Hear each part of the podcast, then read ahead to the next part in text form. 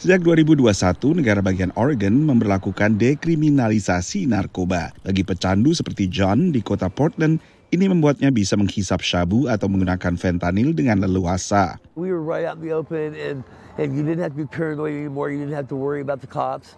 And we were just it was just like smoking cigarettes. Dekriminalisasi disahkan lewat referendum akhir 2020 bernama Measure 110 atau Undang-Undang 110. Pengguna tak lagi menghadapi ancaman kurungan. If somebody is using, uh, if we see somebody smoking fentanyl off of foil, uh, we can stop them and we can write them a Measure 110 ticket. And that ticket, um, it's a $100 fine. And basically, uh, they can either call a phone number or pay the fine. Tapi kenyataannya hanya sekitar 4% yang menelpon nomor kanseling pada kartu yang dibawa polisi. Dan yang gagal bayar denda juga tak diberi sanksi. Selain itu banyak dampak lainnya.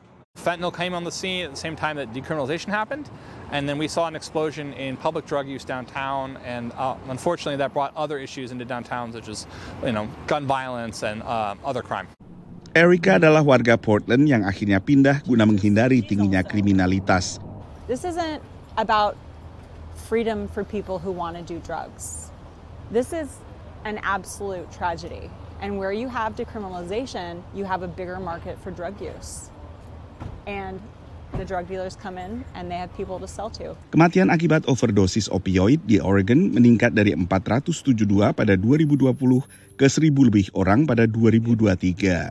The spirit of Measure 110 was to stop using the criminal justice system to treat addiction, instead, treat it as a medical issue and provide treatment.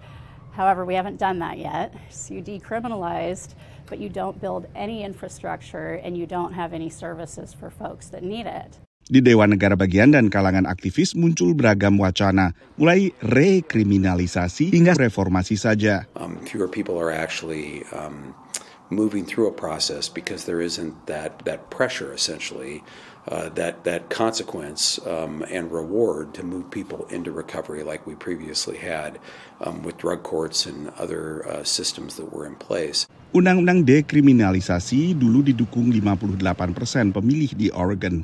Tiga tahun sejak dekriminalisasi terjadi pergeseran opini publik di Oregon. Sebuah survei baru oleh Emerson College misalnya menemukan bahwa separuh lebih warga Oregon ingin membatalkan dekriminalisasi ini. Tapi lebih banyak lagi ingin sekedar terjadi perbaikan di sana-sini. Dari Washington DC, saya Nova Purwadi dan tim VOA.